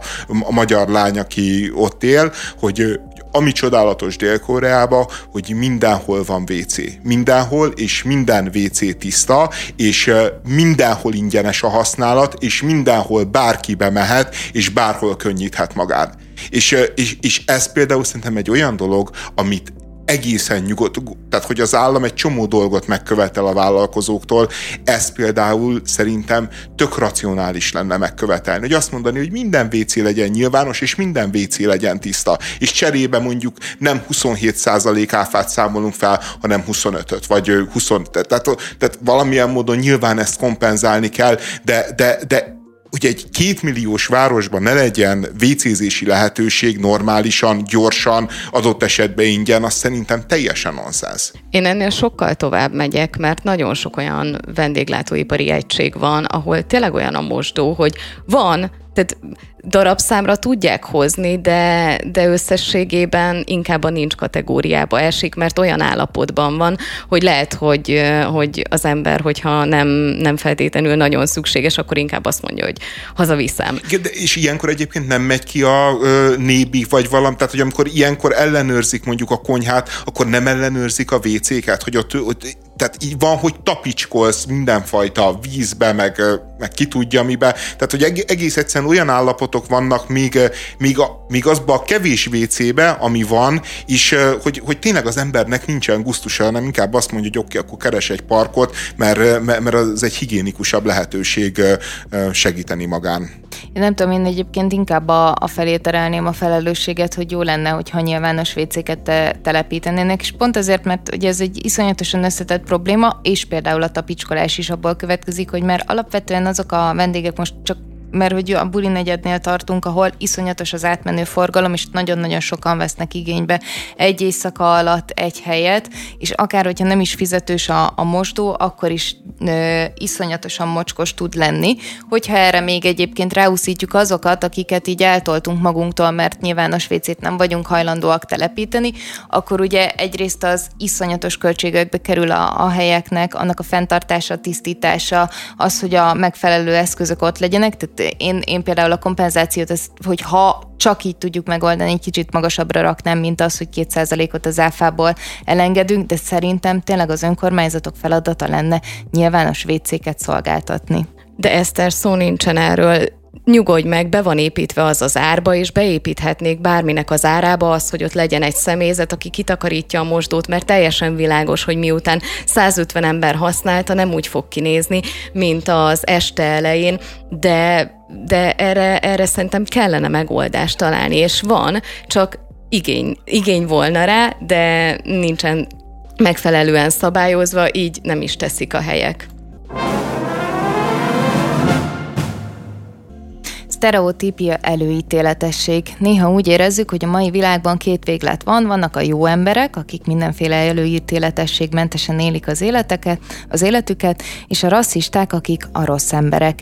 Intézményesült rasszizmusról beszélünk, iskolán belüli egyenlőtlenségekről, rendőrségen belüli rasszizmusról, felületesen, ugyanis nincs időnk ezeket kifejtven, kifejteni, úgyhogy a következő percekben szeretnénk egy picit az implicit előítéletességekről beszélni, ezt ugye én, én hoztam be, és főleg azért, mert néha tényleg azt érzem, amikor így ö, beszélünk arról, hogy miért van az, hogy a, a kisebbségek hátrányban vannak az iskolákban, mondjuk a pedagógusok által, vagy miért van az, hogy a rendőrség egyébként máshogy viselkedik a, a kisebbségekkel szemben, akkor ezek a mondatok így egyébként igazak, de nem feltétlenül azért vannak, mert ők rossz emberek, vagy mindenképpen rasszisták, és, ö, és van ez az implicit ö, előítéletesség. Nekem az egyik kísérlet, ami ezt, a, ezt bemutatja, és ami a legjobban tetszik, az, az úgy zajlott, hogy videófelvételen játszottak kisgyerekek, különböző nemzetiségű kisgyerekek, rajzoltak, nem tudom, azt hiszem talán, és pedagógusokat ültettek le, és azt mondták nekik, hogy szúrják ki a videóról azt a gyereket, akinek deviáns a viselkedése. És a kísérletnek az eredménye az volt, hogy ugye szem, szemkövetőt vagy szemmozgás követést figyeltek, hogy mindig a, a fekete bőrűeket kezdték el jobban nézni, holott egyébként mindenki pont ugyanúgy játszott. És nem, nem gondolom azt, hogy minden pedagógus ettől függetlenül rasszista, hanem hogy együtt élünk előítéletekkel, és azt is nagyon fontos kiemelni, hogy a szociálpszichológiában például a, a sztereotípia pont ezért, ugye ez egy ilyen értéksemleges fogalom, ami amit azért mondanak értéksemlegesnek, és arra szolgál egyébként, hogy a gyors gondolkodást, a gyors helyzetfelismerést tudja támogatni, ezek viszont nyilván azokból adódnak össze, hogy milyen ingerek értek minket ezelőtt, hogy mi az általános tudásunk és hozzáállásunk a, a világhoz. Én, én annyiban vitatkozok ezzel, mert te azt mondod, hogy azért követi a szemével a sötétbőrű kisgyereket, amikor deviáns viselkedést keres, mert, mert ő öntudatlanul is rasszista, és öntudatlanul is azt feltételezi, hogy, hogy a más kis, a kisebbségi csoporthoz tartozó lesz a deviáns. Miközben én szerintem egész egyszerűen sokkal inkább arról van szó, nem tagadva a jelenséget, hogy létezik. Nyilván evolúciósan nagyon-nagyon mélyen bennünk vannak azok a reflexek, hogy, hogy, hogyha vala más törzsből valót látunk, hogyha más bőrszínű embert látunk, akkor, akkor mindjárt támadó szándékot feltételezünk, mindjárt jobban figyeljük, mindjárt beindul egy csomó védekező ösztön az emberben, hogy nem tagadva ezt a jelenséget, azt gondolom, hogy ezek mögött azért nagyon sokszor valószínűségek állnak. Tehát nem azért nézi a ö, fekete gyerekeket, amikor deviáns keres, mert, ö, mert ő azt gondolja, hogy a feketék deviánsok, hanem ö, ismeri azt a ö, mondjuk társadalmi tényt, hogy általában a, mondjuk az Amerikában a fekete bőrű gyerekek ö, olyan családi környezetből jönnek nagy százalékba, olyan szocializációjuk van, ami valószínűvé te- teszi, hogyha, ö, hogyha valaki deviáns, vagy hogyha deviáns van a csoportban, akkor érdemes érdemes először őt ellenőrizni, hogy vajon minden rendben van-e azzal a gyerekkel, hiszen, hiszen tudjuk, hogy általában olyan szociokulturális környezetből származnak, ami ezt valószínűsíti, és így egyáltalán nem biztos egyébként, hogy ez rossz, mert, mert valójában fordíthatnánk úgy is ezt a helyzetet, hogy az óvodapedagógus nem rasszista, hanem fokozott figyelemmel kíséri a kisebbségi gyereket. Tehát fizetünk neki azért, hogy figyelje a gyerekeket, de ő a figyelmének egy nagyon jelentős részét a kisebbségi gyerekre ö, költi. Biztos, biztos, hogy ez rasszizmus? Nem lehet, hogy inkább humanizmus? Nem lehet inkább az, hogy, hogy jó fejség? Hogy éppen, hogy ő nem rasszista? Amit mi rasszizmusnak detektálunk? Ne, ne, nekem ezzel az egész rasszizmus tematikával egyébként az a bajom, hogy ha öntudatlannak, ha nem öntudatlannak nevezzük, hogy nagyon sokszor olyan emberekre, meg olyan működésre sütjük rá a rasszista bélyeget, ami gyakorlatilag nem az, sőt, akár az ellenkezője. Én nagyon örülök egyébként, hogy vitatkozol velem abban, amit pont próbáltam összegezni. Tehát, hogy én ezért szerettem volna az implicit előítéletről beszélni, és ezt a fogalmat bevezetni, meg azt is elmondani a felvezetőben, hogy itt már nagyon durván elmentünk ebbe, hogy rasszista vagy nem rasszista, és ugyanúgy ezt mondtam, hogy nyilván egyébként van egyfajta tudásunk, van, van valamilyen fajta valóságérzékelésünk, vannak vannak olyan rögzült ö, dolgaink, ismereteink, amik miatt egyébként ö, mi valahogyan reagálunk emberekre, és ebből fakad az, hogy implicite ö, tényleg együtt élünk előítéletekkel.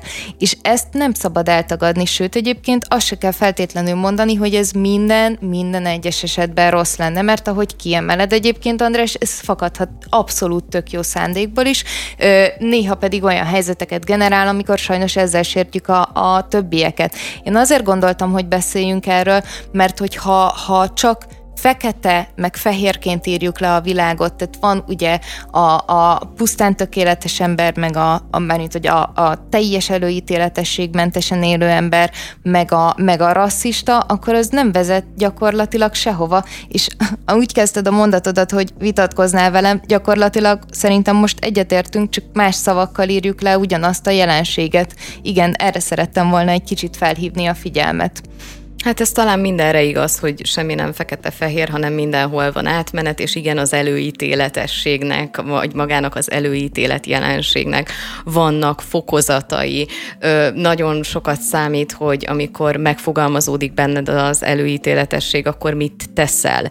Te azt szóvá teszed, vagy elviszed magaddal, elteszed egy olyan helyre, ahol mondjuk ennek helye van, vagy olyan helyre teszed, ahol nincsen helye. Rengeteg dologról ö, lehet itt ennek kapcsán beszélni.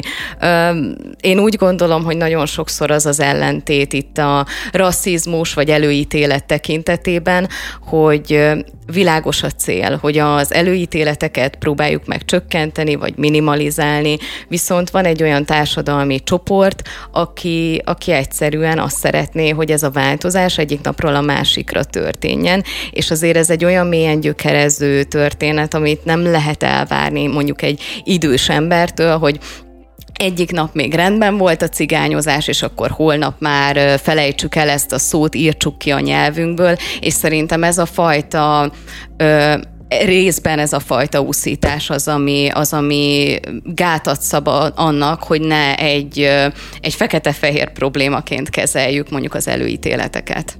Abszolút egyetértek ezzel, és egyébként az is, azért is nagyon fontos ezzel foglalkozni, mert ez tudná megmutatni azt az utat is, hogy hogyan tudunk egyébként majd tényleg egyszer vagy előítéletmentesen nem fogunk tudni élni. Szerintem ezt szögezzük le. És egyébként nem is biztos, hogy, hogy jót tenne nekünk, hiszen ez evolúciósan tényleg azért alakult így, hogy biztonságba tudjuk magunkat, vagy biztonságba tudjuk az adott csoportot, aminek a, a tagjai vagyunk rossz szót használtam, a sztereotípia ez, tehát az előítélet az már megint más, mert ugye ahhoz már általában inkább ilyen negatív dolgokat társítunk. Ö, de abban egyébként tud segíteni, amikor például, hogyha ezt kutatjuk, hogy amikor például arról beszélünk, hogy egy iskolában egy fehérbőrű vagy egy feketebőrű ugyanazért a dologért egy másmilyen büntetést kap, ö, és ez ebből fakad, azt hogyan tudjuk kikerülni, vagy egyébként abban is tud segíteni majd egyszer, hogyha például egy rendőr megállít két embert, aki ugyanazt követi el, csak az egyik fehérbőrű, a másik feketebőrű, akkor ugyanúgy tudjon hozzá viszonyítani. Viszont egyébként azt is nagyon-nagyon sokan elismerik, hogy még ha vannak is egyébként olyan tréningek, programok, amikben intézmények részt vesznek, és megpróbálják szituációs gyakorlatokkal, meg egyébként tesztekkel, és utána egyébként ilyen szakpszichológiai segítséggel kell ezeket az embereket felkészíteni az ilyen helyzetekre, még így sem működik százszázalékosan. Tehát nem tudunk egyelőre mindenre megoldást találni, de az, hogy, hogy elkezdünk foglalkozni a problémával, hogy megpróbálunk rá egyébként megoldást találni, ez szerintem nagyon hát, fontos. Szerintem meg tudod, ez, ez egy ez, ez egy ilyen nem létező háború. Tehát azt mondod, hogy elkezdünk foglalkozni a problémával, basszus, a, a, az európai civilizáció kultúrája, amit tudom én, az elmúlt száz évben, vagy 150 évben erről szól. Erről szól, hogy szembesültünk azzal, hogy rossz a rabszolgaság, szembesültünk azzal, hogy rossz a nácizmus, szembesültünk azzal, hogy rossz a rasszizmus, és te most akarsz elkezdeni ezzel foglalkozni, basszus, 150 évet csináljuk, ja, és egyébként, és egyébként hatalmas eredményeket értünk el, és most ott tartunk egyébként, hogy, hogy, hogy miközben hatalmas eredmények vannak, és szerintem tényleg sokkal jobb, biztonságosabb kisebbséginek lenni, sokkal több lehetőségek értékekkel rendelkezik egy kisebbségi, mint bármikor az elmúlt 150 évben, eközben egyre örjöngöbb az az identitáspolitikai narratíva, amelyik arról beszél, hogy intézményesült rasszizmus van a bíróságokon, a rendőrségeken, az oktatásban, stb. stb. És akkor hozok egy példát, ami szintén egyébként egy nagyon érdekes kísérlet. Azt csinálták, hogy rendőröknek adtak videójátékot, és, és az volt a feladat, hogy akinél fegyver van, azt lőjék le, akinél meg nincs fegyver, azt ne lőjék le nyilvánvalóan. És ami, és azt vizsgálták, hogy amikor fekete vagy fehérbőrű szereplőnél, karakternél volt fegyver, milyen gyors volt a döntés. Tehát, hogy mennyi idő alatt húzták meg a ravaszt, mennyi idő alatt jutottak el odáig, hogy, hogy meghúzhatják a ravaszt, és tényleg kiderült, hogy a, a fekete bőrű embernél egész egyszerűen gyorsabban meghozzák ezt a döntést a, a, a, a rendőrök, mint a fehérbőrű elkövetőnél, vagy potenciális elkövetőnél. És, és erre ugye az a válasz, hogy ez intézményesült rasszizmus, ugye ez a, az implicit előítélet, vagy minek nevezik, és, és hogy hát, hogy ez rossz, amit üldözni kell, miközben nem ez a rossz, és nem ezt kell üldözni. Miből fakad az, hogy ezek a rendőrök így viselkednek? Érdekes módon más esetekben vizsgálták azt, hogy vajon a fehér és a fekete rendőrök között van-e ebben különbség. És kiderült, hogy nincsen. A fekete, hogyha ez rasszizmus, akkor a fekete rendőrök ugyanúgy rasszisták, mint a fehér rendőrök, miközben nyilvánvalóan nem rasszisták a, a saját fajtájukkal, a saját bőrszínükkel szembe, vagy legalábbis elenyésző lehet a, az ilyen fekete rendőröknek a száma, hanem egész egyszerűen arról van szó, hogy, hogy az, hogy te egy igazoltatás közben egy fekete bőrű embernél fegyvert találj, annak a valószínűsége 18-szor nagyobb, mint hogy egy fehérbőrűnél. És egész egyszerűen ez a szám, ez öntudatlanul is ott van a rendőröknek a zsigereiben, ott van a mozdulataikban, ott van a gondolkodásukban, 18-szor nagyobb. És, és, és nem fog úgy viszonyulni a fehér ö, emberhez, akinek megállítja a kocsiját, mint a fekete emberhez, mert, mert egész egyszerűen tisztában van azzal, hogy ebben az esetben nagyobb a veszély annak, hogy, hogy adott esetben fegyveres konfliktus lesz a történetnek a vége. Igen, de és, még mindig azt érzem, hogy egy és, ez, és ennek semmi köze a rasszizmushoz. De úgy vitázol velem, hogy pont azért hoztam be ezt a témát, Igen? mert egy platformon vagyunk. Tehát, hogy értem, és tehát, hogy, hogy a, az intézményesült rasszizmus egyébként lehet, hogy egy nagyon rossz kifejezés, viszont az implicit előítélet, ami tényleg abból fakad, amit te mondasz, hogy egyébként az a tapasztalata, hogy statisztikailag nagyobb lesz a valószínűsége annak, hogy fegyver van nála, az, hogy mondjuk és egy olyan és, és ezt, te ezt a tudást, ezt elvennéd a rendőrtől? Tehát te, te hogyha rajtad állna, akkor kitörölnéd Mondtam ezt az inform... Hát azt mondod, hogy ez egy rossz, ami ellen harcolni Nem. kell. Tehát azt mondod, hogy... Úgy kezdtem, hogy egyébként pont, hogy a szociálpszichológiában, és ez fontos megállapítani, megállapítás, hogy ezeknek egyébként van egy nagyon is jelentős Szóval egy értéksemleges része, ugye a sztereotípia, mert abból indulunk e- ekkor is ki, és azt szándékosan, és nem véletlenül, pont, hogy egy ilyen értéksemleges dolognak írják le. Mert igen, egyébként, tehát az, hogy te, te ilyen helyzetekben gyorsan tudjál reagálni, az egyébként a te életedet is megmentheti. Viszont egyébként valamit megkezdenünk kell vele, mert lehet egyébként, hogy, hogy egyelőre ez a statisztika, ez van a fejünkbe, és ezért történnek ilyenek, de minden egyes olyan áldozat, ahol, ahol ahol szerintem, vagy nem ahol szerintem, hanem ahol kiderül, hogy amúgy nem a fegyveréért nyúlt, csak fekete volt, és ezért lelőtték és brutálisabban álltak hozzá, az szerintem ugyanúgy egy emberi érték. Tehát igen, én azt gondolom, hogy minden szempontból kell kezdeni ezekkel valamit. Amikor az iskolán belüli intézményesült rasszizmusról beszélnek, vagy arról beszélnek, hogy ez egyébként probléma, hogy a fekete bőrűek ö, nagyobb százalékban kapnak ö, ugye eltiltást, ami végül ahhoz vezet, hogy kikerüljenek az iskola rendszerből, az végül egyébként el fog vezetni oda, hogy tényleg nagyobb valószínűséggel csatlakoznak a bandákhoz, és akkor végül eljutunk odáig, hogy nagyobb valószínűséggel van náluk fegyver, és akkor eljutunk de, odáig, hogy a rendőr... De én nagyobb... rossz gondolkodás, tehát hogy, hogy például ugye abból kiindulni, most ne, ne is az iskolai eltiltásokat, mert ugye a bíróságokról sokkal jobb statisztikák vannak, hogy az például egy, egy konszenzus, hogy nagyjából ugyanazért a bűncselekményért egy fekete bőrű elkövető az, az na, nagyobb, tehát hosszabb börtönbüntetést kap, mint egy fehérbőrű elkövető. És erre mondják, hogy ez egy intézményesült rasszizmus, implicit előítéletből fakadó, ne, nem feltétlenül tudatos dolog. És, és szerintem én nekem legalábbis... Az már is... más, az már más, bocsánat, az implicit előítélet, az tényleg a, a most azokra a helyzetekre vonatkozik, vagy inkább azokhoz társítsuk most, amikor így alapvetően döntenünk kell. Például én sétálok haza az utcán éjszaka egyedül, és látok valakit, aki angoskodik részeg, vagy esetleg más bőrszínű, akkor hogyan döntök? Átmegyek-e a másik oldalra? Tehát, hogy, hogy ezek fakadnak abban. Azért, amikor a, a bíró két külön esetben dönt, tudod, ott azért van már egy ilyen hosszabb átmeneti időszak, amikor át tudja gondolni, mert, mert ez az implicit dolog, ez mindenkiben benne van. Az, hogy én utána ezzel mit kezdek, tehát az, hogy utána én ezt átgondolom-e, hogy tényleg hosszabb időt kell -e kiszabnom neki, vagy nem, vagy nekem az iskolában őt egyébként tényleg ö, ö, ki kell tiltanom, vagy nem, azok nem ebből fakadnak. De például az, hogy a rendőr ö, gyorsabban fegyvert ránt, az, az ebből jó, fakad, de, hiszen másodpercei vannak. Jó, de, de akkor, akkor beszéljünk arról, ami ebből fakad, ami azt mondod, hogy már szerinted rasszizmus, tehát hogy például súlyosabb büntetést kapnak a feketék ugyanazért, mint a fehérek.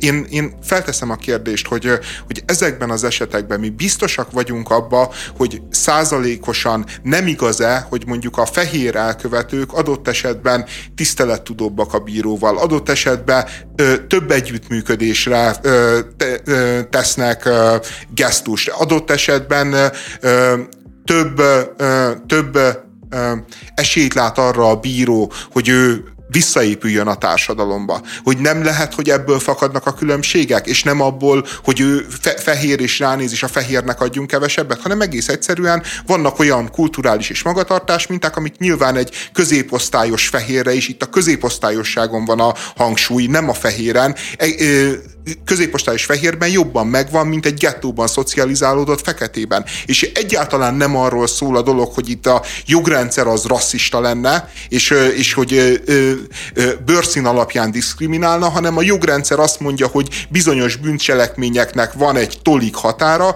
és a tolik határon belül van mérlegelés annak annak kompenzálására, hogy, hogy lássuk a, a, annak az embernek az egyéni élettörténetét, meg az egyéni lehetőségeit. Maradjunk csak ennél a helyzetnél. Egyébként millió másik olyat lehet mondani, ahol itt tényleg van bírósági rasszizmus, de, de hogyha ezt még sokáig folytatjuk, akkor én vissza tudok jutni odáig, hogy megint csak a szocializáció, megint csak a kirekesztés, megint csak a szegregátumok. Igen, máshogy fog viselkedni valószínűleg az a fekete a bíróság előtt, valószínűleg kevésbé lesz tisztelet tudó, de az tényleg abból fakad, hogy ő fekete, vagy valójában abból, hogy milyen életkörülményei voltak. Fehér Anett, 50 éves, az egykori tévés személyiség teljesen eltűnt a nyilvánosságból, most derül csak ki, hogy két éve anya lett. Repül az idő, az az egyik, hogy így Anetka már 50 éves, ez, ezt olyan furcsa ízlelgetni. Másrészt meg olyan értelemben is repül az idő, hogy a, a fehér a média működését én például nagyon-nagyon másként látom, mint 20 évvel ezelőtt. Tehát én a Zanetkát ugye nyilvánvalóan ez a Budapest TV és trash világ reprezentánsának gondoltam, és, és, és úgy láttam, hogy, hogy a közbeszéd meg a kultúra züllesztésének alapvetően egy élharcosa. Ma már a való világoknak, meg a különböző kereskedelmi műsoroknak, meg beszélgetés műsoroknak a az árnyékába inkább úgy látom, hogy, hogy az Anetka az egy ilyen elkeseredett értelmiségi kísérlet volt arra, hogy, hogy értve azt, hogy mifelé megy a média, mifelé megy a kommunikáció, a külsőségekben tegyünk erre gesztust, miközben tartalmilag egyébként még valamilyen módon próbáljunk visszanyúlni a, a régi értékekhez, és, és az a helyzet, hogy az Anetka az megkapta a trash celebséget, és soha nem lett elismerve annak, aki egyébként ő, hogy, hogy, hogy ő még az volt valak, az utolsó televíziós személyiség volt, aki nem, nem volt bohóc. Lehet, hogy kiárusította magát, lehet, hogy mesztelenkedett, lehet, hogy mindent megtett a nézettségért, de, de közben mégiscsak voltak tartalmai, képviselt valamit beszélgetett emberekkel, tehát nem, nem ökörködött, meg, meg nem ugrabugrált, hanem, hanem a mesztelenség az csak egy, egy forma volt, hogy, hogy a ta- tartalom megtalálja meg a közönségét. Nyilván nem sikerült, nyilván kudarcot vallott. Nyilván nagyon elhíresültek ezek a videók, ahol a különböző zaklatókkal ő próbálja maga ö, egyébként ilyen kedélyes, kedves stílusában felvenni a versenyt, és, vagy felvenni a kesztyűt, és, és nyilván elbukott, mint ahogy a teljes kultúránk elbukott a, ö, a kommentmezőkön, de, de, de én így utólag azt mondom, hogy az Anetka az egy kifejezetten pozitív média szereplő, média személyiség az én szemembe. Régen minden jobb volt, ugye? Abszolút, abszolút. Ö, nekem az fogalmazódott meg, én ennyire nem ismerem a, az Anetkának a munkásságát a koromból adódóan, de nem ő a, a, a magyar trash celebnek a prototípusa. De, abszolút, abszolút. De akkor, akkor miért mondod, hogy annyira, annyira csodálatos volt ez az idő, amikor még ő volt a, a trash celeb, nem pedig a való való ja, világból ne, nem, ki... Nem volt csodálatos az az idő, Akkor csak, jobb. Csak, csak, csak, csak most már utólag úgy látom,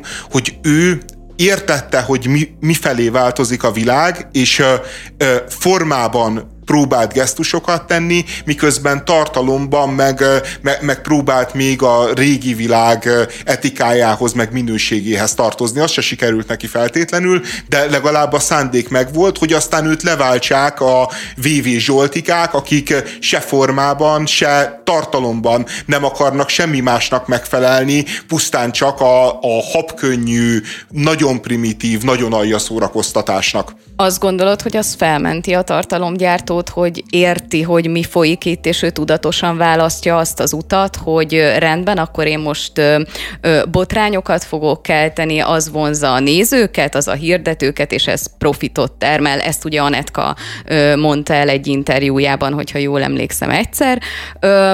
Biztos, hogy ez felmenti őt, hogy ő érti ezt, mert hogyha valaki tudod, egyszerűen nincsen tudatában annak, hogy mi történik, mondjuk egy csatorna csatorna kihasználja, valahogy ott jobban e, ö, ö, együtt tudok érezni a, az áldozattal, mert őt nagyjából áldozatnak látom, viszont hogyha Anetka ezzel teljesen tisztában volt, akkor valójában ő, ő egy elkövető vagy egy áldozat.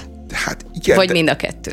Nyilván mind a kettő, meg nyilván morálfilozófiai értelemben teljesen igazad van, csak, csak az is egy más helyzet volt, és, és még, szerintem az is egy ezerszer tisztességesebb helyzet volt, amikor az Anetka a saját arcát, a saját karakterét, a saját személyét kockáztatta és rakta ki, és nem egy, egy gátlástalan producer volt, aki kiküldött valami félhülye, szerencsétlen prolit, hogy tegye nevetségesé magát, majd amikor elhasználta, akkor húzta a követ következőt, meg húzta a következőt, meg, meg az Anetkában én, én nekem az hihetetlenül imponál, hogy, hogy el tudott szakadni ettől a világtól. Tehát, hogy erre annyira kevesen képesek, annyira ezek az emberek, akik a médiában szocializálódnak, meg a médiában sikeresek lesznek, egész egyszerűen ilyen, hát mint a legrosszabb junkik, olyan módon kattannak rá erre a, a képernyőre, a hírnévre, a lájkokra, és hogy van valaki, aki, aki azt tudta mondani,